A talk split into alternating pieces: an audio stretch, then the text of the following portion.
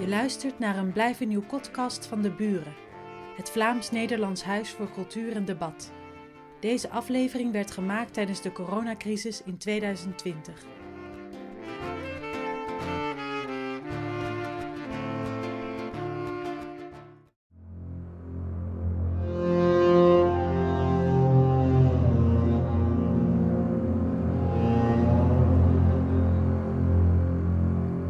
Huisje gehuurd in het bos voor vijf dagen. Er is geen wifi en mijn telefoon heb ik uitgeschakeld. Het is hier stil. Dat wil zeggen, er is geen geluid van andere mensen. De koelkast ruist, de gaskachel kraakt en ploft af en toe luid wanneer de kast in of uitzet. Twee keer per uur raast een trein voorbij. Ik loop door het huisje met brandende salie. Wapper de rook alle kanten op. Op een bijzettafeltje leg ik een afbeelding van Baba Yaga. Daarvoor plaats ik een paarse kaars, donkere maansteen en een stuk steenkool. Welk avontuur begint nou opgesloten in een huisje met twee shoppers vol boodschappen, waar de hoofdpersoon zich afzondert van de rest van de wereld? Dit is hoe het in sprookjes werkt. De heks gaat nergens heen, ze wordt bezocht. Misschien door geesten, misschien door voorouders, misschien door nieuwe ideeën, misschien door mensen in nood. In het echte leven gaat het zo. Ik ben de heks en ik sluit mij op in een huisje in het bos, ver weg van alle dagelijkse taken, en ik wacht af wat er gebeurt.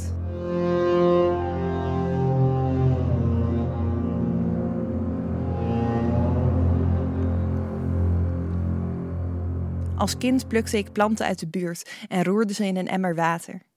Ik prevelde bezweringen boven het goedje dat in het begin nog overtuigend op heksensoep leek, maar al snel uit elkaar viel in een bruingrijze drap. Ik verzamelde stenen en stalde schelpen uit in mijn kamer.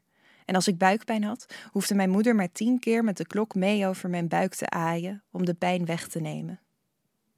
Die tijd, waarin ik geesten zag of dingen vervoelde die nog moesten gebeuren, is voorbij. Ik weet inmiddels beter. Ik heb gelezen dat veel vijfjarige kinderen geesten zien, omdat hun hersenen zich in een ontwikkelingsfase bevinden waarin ze dingen kunnen zien die er niet zijn. Het is een kortsluiting, vergelijkbaar met de déjà vu, een foutje in de communicatie tussen verschillende regionen. Niet magisch, maar verklaarbaar, wetenschappelijk, feitelijk. Wanneer ik tarotkaarten leg, een spreuk uitspreek of een stuk papier met een zekere bezwering erop verbrand, ben ik voor zeker de helft aan het toneel spelen. Ik ben een hek zoals ik als kind een leeuw was, of Batman. Ik trek een bepaald kledingstuk aan, beweeg me op een andere manier, gebruik een ander woord en heb vooral heel veel plezier in het zijn van iets waarvan ik weet dat het niet echt is. En toch, de heks is terug. Ze speelt in Netflix-series, zoals Chilling Adventures of Sabrina en Siempre Bruja. Op Instagram staan miljoenen foto's van Sally, edelstenen en maankalenders. En Vice publiceert artikelen als: Ik liet mijn vriendschap zegenen door heks Ingrid. En we spraken vrouwen die met hun orgasmes toveren. Op de Women's March komen kartonnen borden voorbij met de tekst: Wij zijn de achter-achterkleindochters van de heksen die je niet hebt verbrand. Het archetype dat eeuwenlang diende om kinderloze, alleenstaande en oude vrouwen verdacht te maken, is een feministisch symbool geworden. Eind 2016 en begin 2017 verschenen nieuwsberichten over heksen die president Trump probeerde te binden. Een bezwering waarbij je het kwade handelen van een ander beperkt. Time Magazine plaatste een filmpje waarin een stuk of tien vrouwen en een enkele man op de stoep voor Trump Tower skanderen en kaarsen branden. Een voorbijganger op straat begint tegen ze te schreeuwen.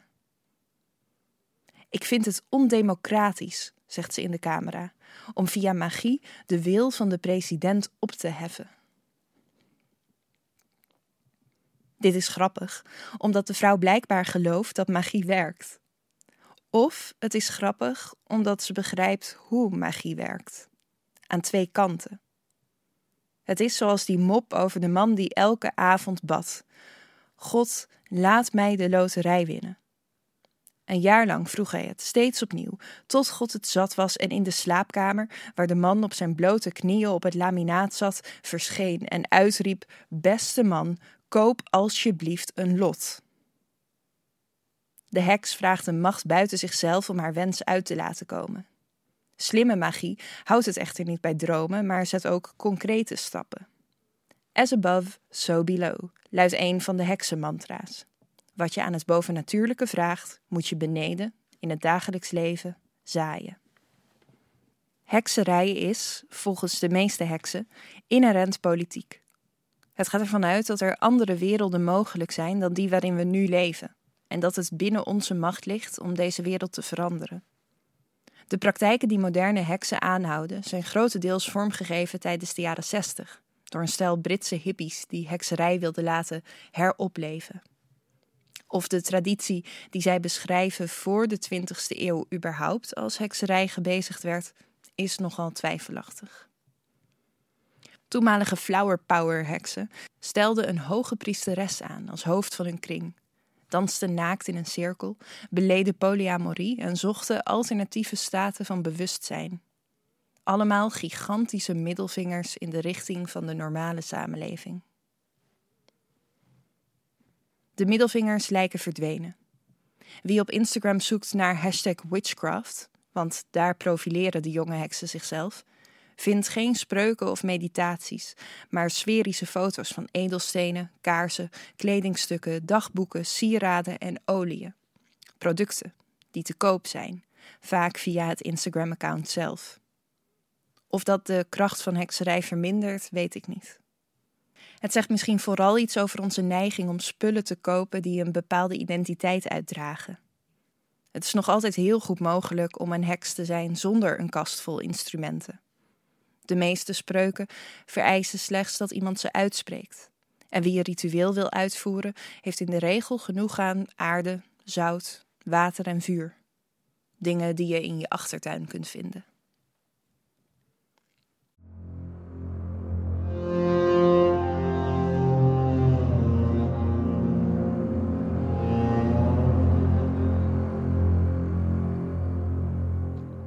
Ik ben al drie dagen in het huisje. Iedere middag maak ik dezelfde wandeling. Normaal kom ik mensen tegen op straat, nu zijn het bomen. Sommige komen me bekend voor, de meeste heb ik nog nooit gezien. Ik groet ze in gedachten. Het voelt alsof we buren zijn, elkaar tegenkomen in het bos. Het voelt alsof er iets tussen ons ontstaat, misschien een verbinding. Maar ik wil die gedachte niet afmaken. Zweverig gedoe. De ontdekkingsreiziger en schrijver Arita Bayen stond, als geschoolde bioloog, altijd sceptisch tegenover verhalen over bezielde natuur. Ze begreep wel dat iets groter wordt als je het betekenis geeft, als je er ritueel heen gaat en het een naam geeft, maar ze was ook wetenschapper. Ze geloofde niet in vage begrippen die niet zichtbaar of bewijsbaar waren. Dat veranderde allemaal toen ze zelf alleen in een tentje in de storm terechtkwam de volgende ochtend keek ze om zich heen en zag het. Ze had al vaak verhalen gehoord over begeesterde bomen, rotsen en rivieren, maar pas toen ze het zelf voelde, kon ze erbij. Zoals je, wanneer je op je knieën gaat zitten, in een stukje mos een gigantisch kabouterbos ontwaart. Wat je aandacht geeft, wordt bijzonder. Waaraan je je aandacht geeft, is een keuze. Voor deze spreuk moet je op zoek naar een trage, kalme beek. Begraaf een munt aan de voet van een boom in de buurt en neem drie bladeren af. Bedank de boom. Goede manieren zijn belangrijk, ook in hekserij. Laat een blad drijven op het water. Zeg: drijvend blad, groen blad, laat me zien wat ik eerst niet zag. Herhaal dit nog twee keer met de andere bladeren. Kijk hoe de stroom ze meeneemt. Voel hoe alles stroomt. Een deel van me vraagt zich af waarom ik een munt aan een boom zou geven. Daar heeft een boom toch helemaal niets aan. Het is een kwestie van gelijk oversteken, lees ik. Je neemt iets wat voor de boom van belang is en je geeft iets terug wat jij nodig hebt. Het is een uitwisseling van nutteloze symbolen die elk een andere waarde hebben. Sommige mensen gooien munten in het water. Putten en fonteinen liggen er vol mee. In Engeland staan verschillende zogenaamde geldbomen. Bomen die geluk schijnen te brengen, waar mensen hun munten in de bast hebben geduwd. Sommige bomen bestaan bijna helemaal uit munten. Hun roestige schubbelaag lijkt op een drakenhuid.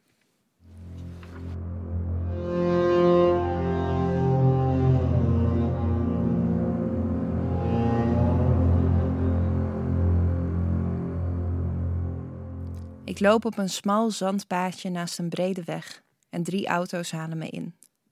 De voorste, een man in een bestelbus, zwaait nog even, maar de bestuurders van de daaropvolgende wagens niet. Ze rijden langzaam naast me. Ineens herinner ik het me weer. Met meisjes die alleen in het bos dwalen, loopt het doorgaans slecht af. De enige vrouw die onbekommerd het bos kan betreden is de heks.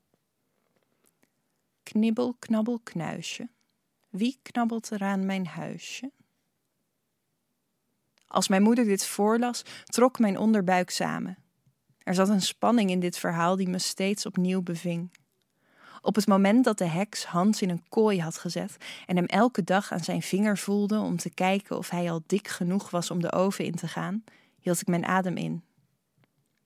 Ik was niet Grietje in dit verhaal, ook niet Hans, maar de heks. Ik snakte ernaar eenzelfde macht te kunnen hebben, zelf te bepalen wat ik deed en ongehoorzamen te kunnen straffen, zoals ik gestraft werd als ik niet luisterde. Als achtjarige deelde ik mijn ouders plechtig mee: als ik later ga trouwen, moet mijn man altijd naar mij luisteren. Luistert hij niet, dan stop ik hem in de kast bij de vleermuizen. In sprookjes zijn heksen vrouwen die alles kunnen doen wat ze willen. De heks die op de brandstapel zou eindigen, ontstond in Europa pas toen vrouwen hun vrijheid verloren. Ongeveer gelijktijdig met de opkomst van het kapitalisme en het kolonialisme. Feministische historici zoals Barbara Ehrenreich en Silvia Federici hebben uitgebreid onderzoek gedaan naar de relatie tussen misogynie en heksenvervolgingen. In de late middeleeuwen konden vrouwen zich nog van alles permitteren. Ze brouwden hun eigen bier en hingen tot diep in de nacht in de kroeg met hun vriendinnen te roddelen. In het 14e eeuwse Italië was een vrouw nog in staat om in haar eentje een rechtszaak aan te spannen tegen een man die haar had aangevallen. Twee eeuwen later was het vrouwen verboden om tegen hun man in te gaan of te praten in de publieke ruimte.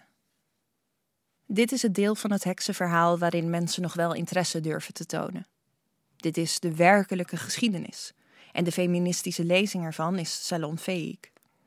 Dit is het deel waar mijn vrienden wel over willen horen. Dat andere deel, de intuïtie, de spiritualiteit, de magie, dat maakt de meeste lacherig. Ze doen het alvast bijgeloof, maar wanneer ik hun tarotkaarten lees, breekt het Zweedse uit. Ze staren verbeten naar de vijf kaarten op tafel, frunniken aan hun mouw. Als ik een kaart omdraai, ontsnapt ze een zorgelijk: Is dat goed nieuws? Dat ziet er niet positief uit. Hmm. Tarot, spreuken en hekserij delen eenzelfde aantrekkingskracht als literatuur. Alles draait om symboliek, archetypes en de ontwikkeling van de hoofdpersoon. De lezer, of de heks, krijgt de kans om in een ander te veranderen en wordt deel van een geheime interactie. Wie tarotkaarten legt, is ingewijd in een exclusief genootschap waar niet iedereen deel van uitmaakt. Ze spreekt een mysterieuze taal en heerst over haar eigen lot. Ik trek drie kaarten: de koning van zwaarden, kracht en de magier, ondersteboven. Zoals ik als kind ieder speelgoedautootje een naam gaf, ruzies voor ze verzon en de auto's hun conflicten weer liet uitpraten, zo gebruik ik de tarotkaarten. Om uit te beelden wat er in me omgaat. Bij elke kaart die ik omdraai, krijgt een nevelige opwelling vorm. Dit speelt er nu. De plaatjes van een kaart liggen ongeordend voor me. Ik lees ze als gezichtsuitdrukkingen en beeldspraak. Wat probeert de dichter over te brengen? Verborgen angsten, genegeerde gevoelens, weggedrukte gedachten. Er zijn zoveel dingen die ik in het dagelijks leven niet wil zien. Ik zie ze wanneer ik de kaarten leg. Als ze iets voorspellen wat ik herken, kan ik mijn schouders erover ophalen. Als ze er volstrekt naast zitten, kan ik bedenken dat er dingen in mijn leven gaande zijn waar ik zelf geen weet van heb. Als ik voor de zoveelste dag op een reis waarde 4 trek, kan ik geërgerd naar mijn kaarten roepen: Ja, ja, nu weten we het wel.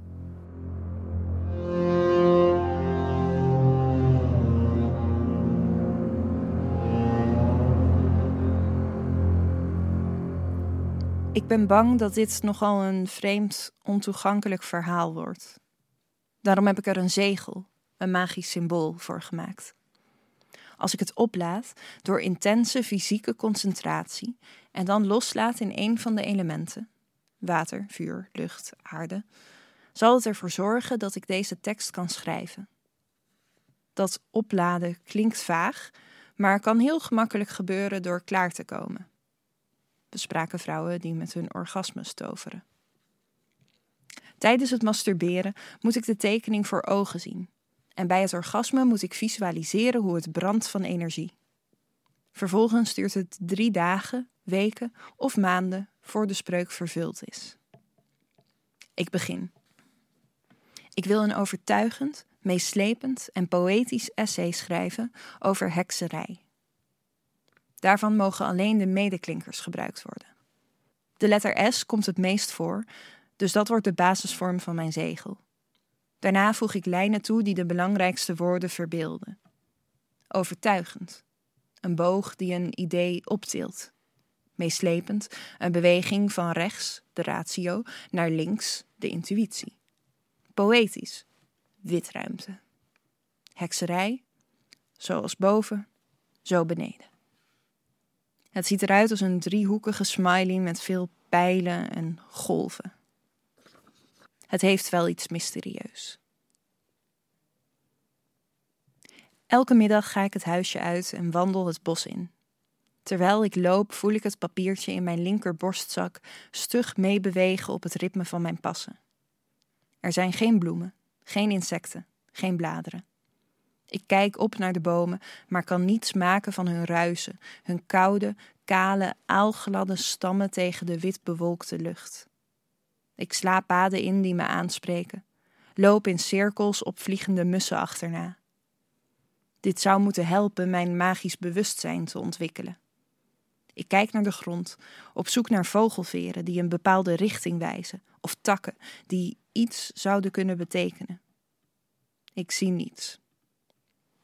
Ik probeer mijn hoofd leeg te houden, maar word geplaagd door een ironische oorworm.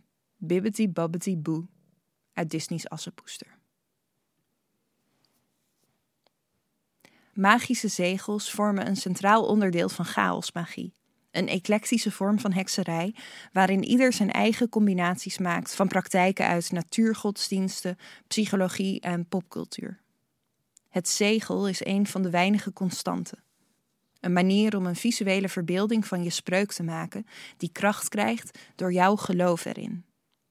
Dat klinkt wazig, maar deze vorm van magie kom je overal tegen. Disney heeft zijn eigen zegel, net als Nike, Starbucks en McDonald's. Wij dragen het zegel en we geven het kracht met onze eigen energie. Want als wij trots zijn op onze Nikes, wordt Nike machtiger. Dit gaat verder dan het logo dat opduikt op posters en kledingstukken en daarmee steeds zijn macht vergroot. De gevouwen handen van Merkel zijn zo groots geworden als symbool dat de Duitsers er een naam voor hebben: de Merkelraute. Een emoticon en een scheepslading internetmemes. Elke keer als we Merkels gevouwen handen zien, zien we macht, daadkracht en veiligheid. De handen van iemand die een land, een continent of de hele wereld kan besturen.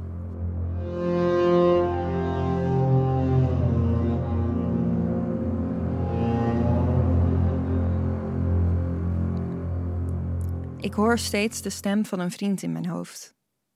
Maar je zegt aan het einde wel dat het allemaal klinkklare onzin is, toch? Hij is een steenbok. Mensen waarmee ik over het algemeen goed kan opschieten omdat mijn Mercurius, de planeet van relaties en communicatie, in steenbok staat. Gestructureerd, duidelijk, rationeel. Het heeft echter geen enkele zin om magie te verdedigen. Je gelooft erin of je gelooft er niet in. Als ik op zoek ga naar de geschreven geschiedenis van hekserij, kom ik niet veel verder dan Gerald Gardner, 1954, of Margaret Alice Murray, 1921. De contouren van de fantasie zijn wel heel zichtbaar. Andere geloven baseren zich tenminste op eeuwenoude teksten en worden jaarlijks door het hele land gevierd. De kerstboom, de pompoenen en de paastakken stammen misschien af van heidense gebruiken, inmiddels zijn we hun occulte herkomst vergeten. Occult betekent in het verborgene, alleen voor ingewijden herkenbaar. Die geheimzinnigheid is deel van de aantrekkingskracht en de reden waarom ik zoveel moeite heb om moderne heksen serieus te nemen, mijzelf inbegrepen. Er is een populaire internetmeme die de kracht van hekserij beter uitlegt. Een scène uit Pirates and the Caribbean, Dead Man's Chest. De piraten varen in een klein roeibootje door een dicht begroeid moeras. Het is nacht. Ze kloppen aan bij een boomhut waar Calypso woont. Jack Sparrow vraagt haar om hulp bij zijn strijd tegen Davy Jones en ze overhandigt hem een glazen pot vol aarde. Zand, zegt Jack. Dit is een pot met zand. Ja, zegt Calypso, enigszins geërgerd. Voorzichtig probeert Jack. Gaat de pot met zand helpen? Als je hem niet wil, zegt Calypso en zet een dreigende stap naar voren, geef je hem toch terug? Nee, nee, zegt Jack en drukt de pot tegen zijn borst. Ze glimlacht. Dan helpt het.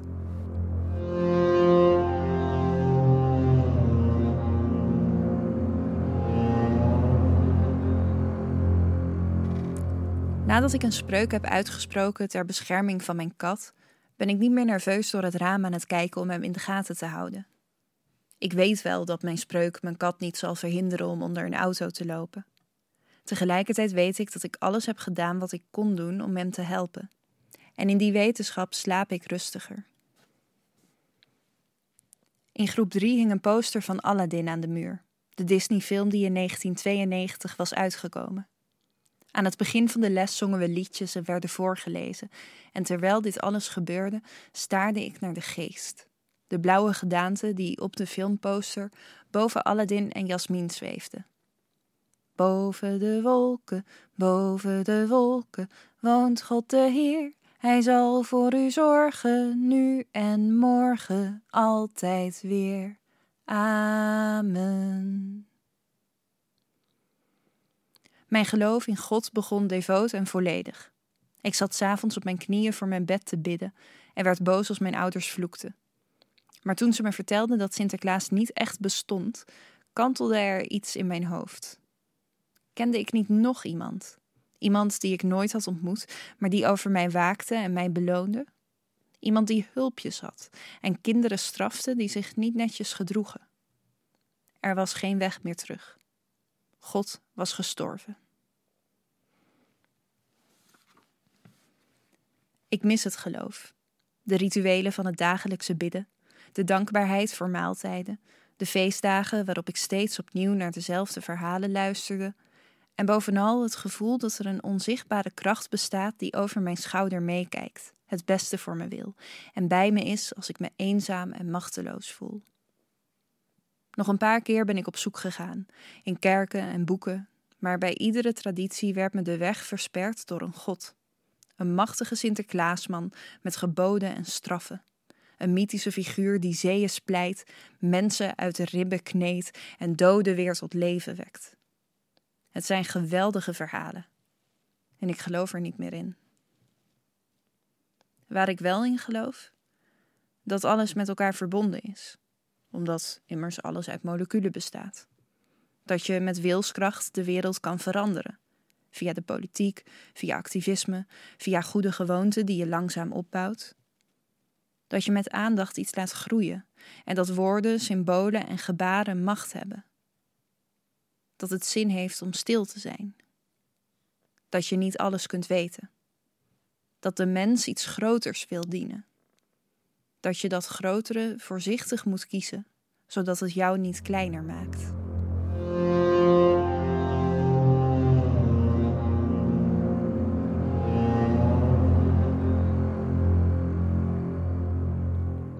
Ik zit op mijn hurken in een open plekje in het bos, in het midden van een driehoek van toevallig gevallen takken, met één half afgebroken tak als koepel over me heen, en ik druk mijn beide handpalmen in de aarde.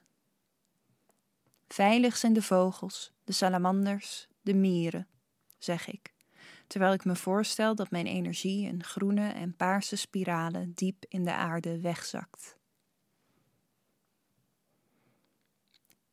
Ik merk dat het me niet goed lukt om over deze handelingen te schrijven zonder mezelf compleet belachelijk te vinden.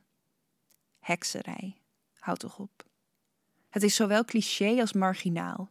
Alweer een kunstenaar die oproept tot mysticisme. Alweer een zogenaamde herleving van vrouwelijke spiritualiteit. Wie zit daar nou op te wachten? Heksen zijn niet echt. Voor de 20e eeuw bestonden ze alleen in onze verbeelding.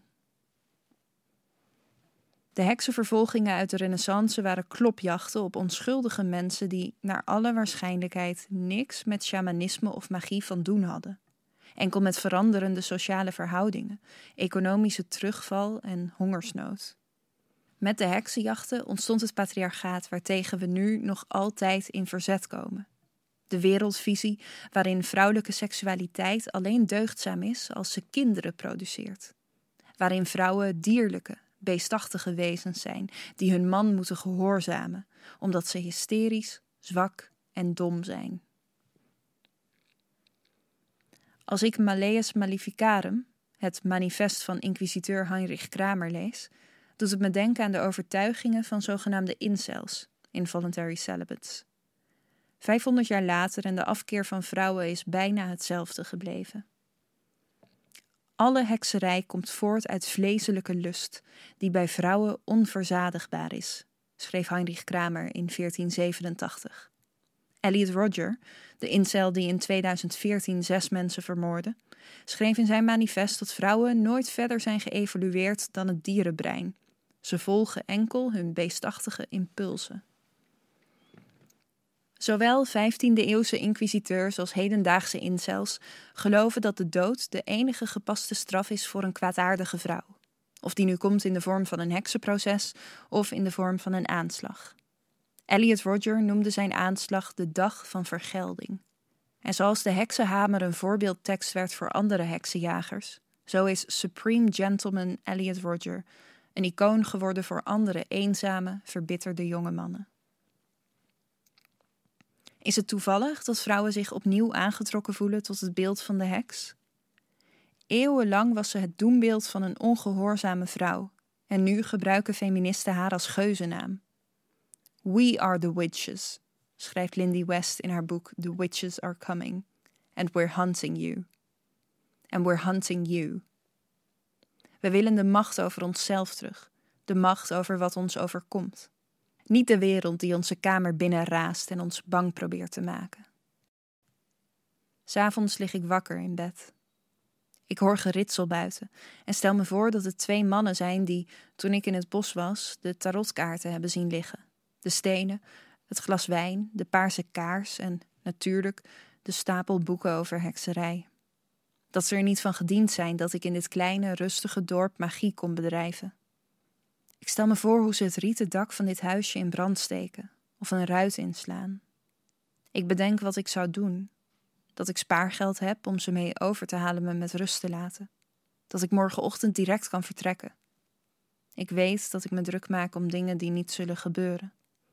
Ik weet dat deze dingen al vaak gebeurd zijn.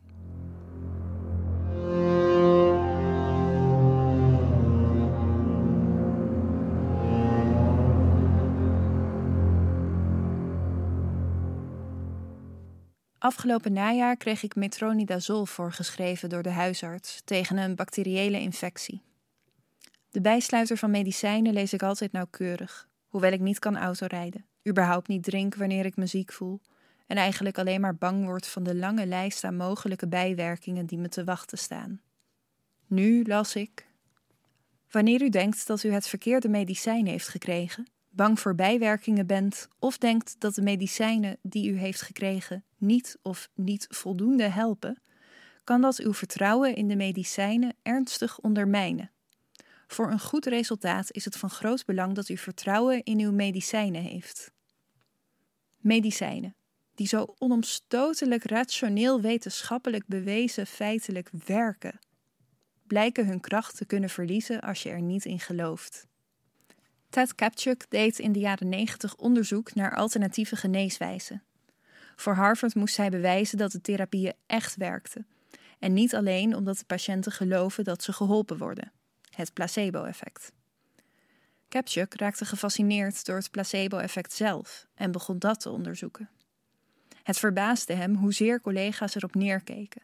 Een placebo-effect gold als tijdverspilling, terwijl het toch ontzettend veel mensen kan helpen. Zelfs als proefpersonen in onderzoek naar rugpijn, buikpijn en hoofdpijn weten dat ze een neppil krijgen, rapporteren ze na drie weken minder pijn. Hij zegt: Dokters haten dit. Zij denken dat alleen hun chemicaliën echt werken. Acupuncturisten haten mijn werk ook. Zij willen kunnen zeggen dat het de naalden zijn. Kruidengenezers willen kunnen zeggen dat het de kruiden zijn. Ze hebben het allemaal verkeerd. Soms werken medicijnen, maar het placebo-effect is altijd aanwezig bij alle patiënten. Er zijn mensen die kruisjes slaan, het onheil afwenden door het herhalend prevelen van een bepaalde tekst, of dat nou een spreuk is of een weesgegroetje, een mantra of een gebed. En mensen die weigeren op de rand tussen twee stoeptegels te lopen. Magie is wat we doen als we ons machteloos voelen. Een kaarsje branden voor een zieke een brief schrijven die we niet versturen. Na een slechte dag een lange douche nemen. Afkloppen als we een voorbarige uitspraak hebben gedaan. Samen met onze geliefde een hangslot aan een brug vastmaken. De voetbalsupporter die steeds op dezelfde plek op de bank naar de wedstrijd kijkt, met een specifiek paar sokken aan. Magie is overal en de heks ook. Ze is niet alleen een sprookjesfiguur, een popicoon, een natuurgelovige en een Keltische druïde. Ze is ook een Zambiaanse albino en een bierbrouwer uit de 16e eeuw. De heks is een archetype met vele gezichten en ze kan van gedaante veranderen.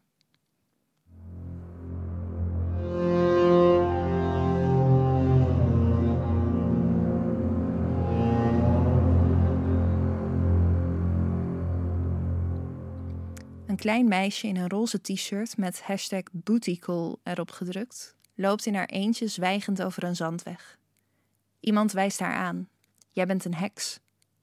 In de daaropvolgende anderhalf uur toont de film I Am Not a Witch het lot van vrouwen die in Zambia van hekserij worden beschuldigd. Een heksendokter test het meisje. Hij onthoofdt een kip en kijkt welke kant het lichaam oprent. Het meisje moet, met haar speciale heksenkrachten, een crimineel uit een rij verdachten pikken, zodat hij gestraft kan worden. Ze zit aan een lang touw gebonden op het zand in een heksenkamp, waar binnen- en buitenlandse toeristen selfies met haar nemen. De film speelt in Zambia, waar de regisseur vandaan komt, maar ze heeft voor de productie ook Ghana bezocht, waar de heksenkampen een succesvolle attractie vormen voor toeristen uit binnen- en buitenland. Het is een zwaar verhaal, maar de film vertelt op droogkomische manier een parabel over vrouwen die hun eigen vrijheid opeisen en voor onmogelijke keuzes worden gesteld. Je bent een heks en je moet kiezen. We binden je vast met een lint, zodat je niet weg kan vliegen. Of je verandert in een geit. De heksenkampen zijn nog relatief vriendelijk vergeleken bij de overige heksenvervolgingen in Afrika, Azië en Zuid-Amerika. Met enige regelmaat worden vrouwen, kinderen, albino's en ouderen van hekserij beticht en verminkt of vermoord. De onderliggende oorzaken doen denken aan die van de Europese heksenvervolgingen. Ook hier wordt land ingenomen, door de staat en door bedrijven. Ook hier is sprake van economische onzekerheid en honger. Ook hier wordt het idee van de heks gebruikt om de vrouwen onder de duim te houden. De heks is nog altijd een symbool van onderdrukking. En van de vrouw die daaraan probeert te ontsnappen.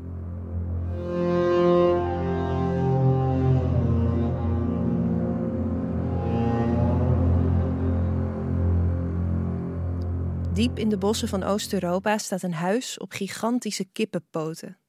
Daar woont Baba Yaga. Ze houdt niet van andere mensen, dus wanneer die haar naderen, keert het huis ze de rug toe, staat op en loopt weg. Een vriendin vertelde me over deze heks en hoe ze zichzelf in haar herkende. Vroeger was ik misschien wel een beetje bang voor haar, zei ze. Maar laatst, toen ik de hele dag thuis had zitten schrijven, met mijn kat naast me, besefte ik ineens dat ik op haar lijk. En dat dat eigenlijk wel prima is. De heks is bedacht als een slechterik, iemand om te vrezen. Toch was ik als kind niet bang voor de heks die me op zou eten. De figuren die me wakker hielden leken veel meer op echte gevaren: kinderlokkers, drijfzand, drugspuiten in de bosjes en Michael Jackson. Dat is een rare man, zei mijn moeder. En ik wist genoeg. Een heks hoeft niet bang te zijn voor zulke dingen, omdat ze zelf gevaarlijk is. Aan de universiteit volgde ik een vak theaterwetenschap. Terwijl de docent ons door Antigone en Sophocles gidste, druk ijsberend, met forse stemverheffingen en het zweet op het voorhoofd, week ze met regelmaat af van het curriculum om te vertellen over begeestering, de ware betekenis van inspiratie, door een ander te worden bezeten. Wij, 18-jarige brave kuikentjes, noteerden druk in onze schriften, maar dat stond haar niet aan. Toen ik jullie leeftijd had, riep ze, rende ik naakt met mijn studiegenoten door het bos, terwijl we met pollepels sloegen op pannen die we uit de jeugdherberg hadden meegenomen. Dat was Dionysos. Wat als God geen werkelijk bestaande almachtige wolkenfiguur is, maar een metafoor die sterk genoeg is om de werkelijkheid te beïnvloeden? Een personage met wie je kunt praten, dat je zelfs kunt belichamen. De goden kunnen Grieks zijn, Hindoestaans, Germaans of gewoon de geest uit Aladdin. De enige voorwaarde is dat ze leven voor jou, dat je ze kunt dienen, jezelf aan ze over kunt geven. Ik was mezelf uitgebreid en pak dan de halve citroen die ik met zout heb bestrooid. Ik knijp hem over mezelf uit en scrub mijn romp en armen met het zout. Na het afspoelen dep ik mezelf met rozenwater. Ik heb een playlist gemaakt met liedjes voor Afrodite. Zodra de muziek speelt, begin ik te dansen en te zingen. Ik hou niet op, zeven liedjes lang. Ik spring door de kamer, twerk, rol over de grond, draai rondjes tot ik bijna omval. Ik roep de godin op door haar te zijn. Ik drink het rozenwater op het altaar, neem een hap van de appel, declameer met luide stem liefdesgedichten en schrijf een brief aan haar. Nog voor ik het begraven heb, vergeet ik wat erin staat. Ik vergeet mezelf. Ik word iemand anders. Als je me nu zou zien, aan de andere kant van het bos, wat zou je dan denken? Ik maai met mijn armen om me heen, spring op en neer en stop alleen om af en toe een slok te nemen van een gelige vloeistof uit een hoog champagneglas. Ik kniel voor een tafeltje, prevel iets met mijn hoofd gebogen en steek het papiertje met mijn zegel in brand. Ik kijk in de vlammen en glimlach.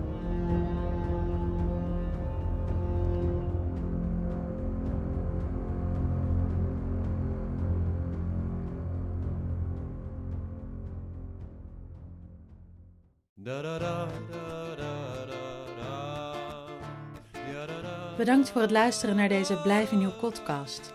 Ontdek meer via het podcastkanaal of de Soundcloud van de Buren. De Buren biedt je gratis registraties van debatten en lezingen aan en heeft een uniek literair audioaanbod.